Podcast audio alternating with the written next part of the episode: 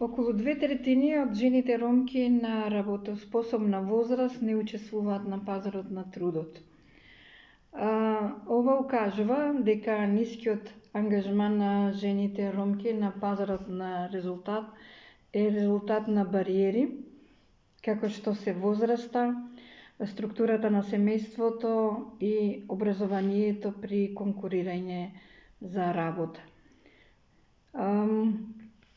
Потребите кои ги имаат жените ромки се специфични. Зборуваме како жени ромки.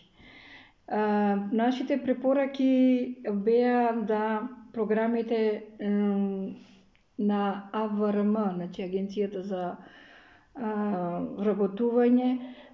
бидат посоодветни со потребите и проблемите на жените ромки, посебно на младите жени, девојки ромки потребата од поголема информираност да биде на локално ниво, значи да имаат некои пунктови на локално ниво каде што населението би имал поблизок пристап до тие информации што Агенцијата за вработување ги нуди како активни мерки.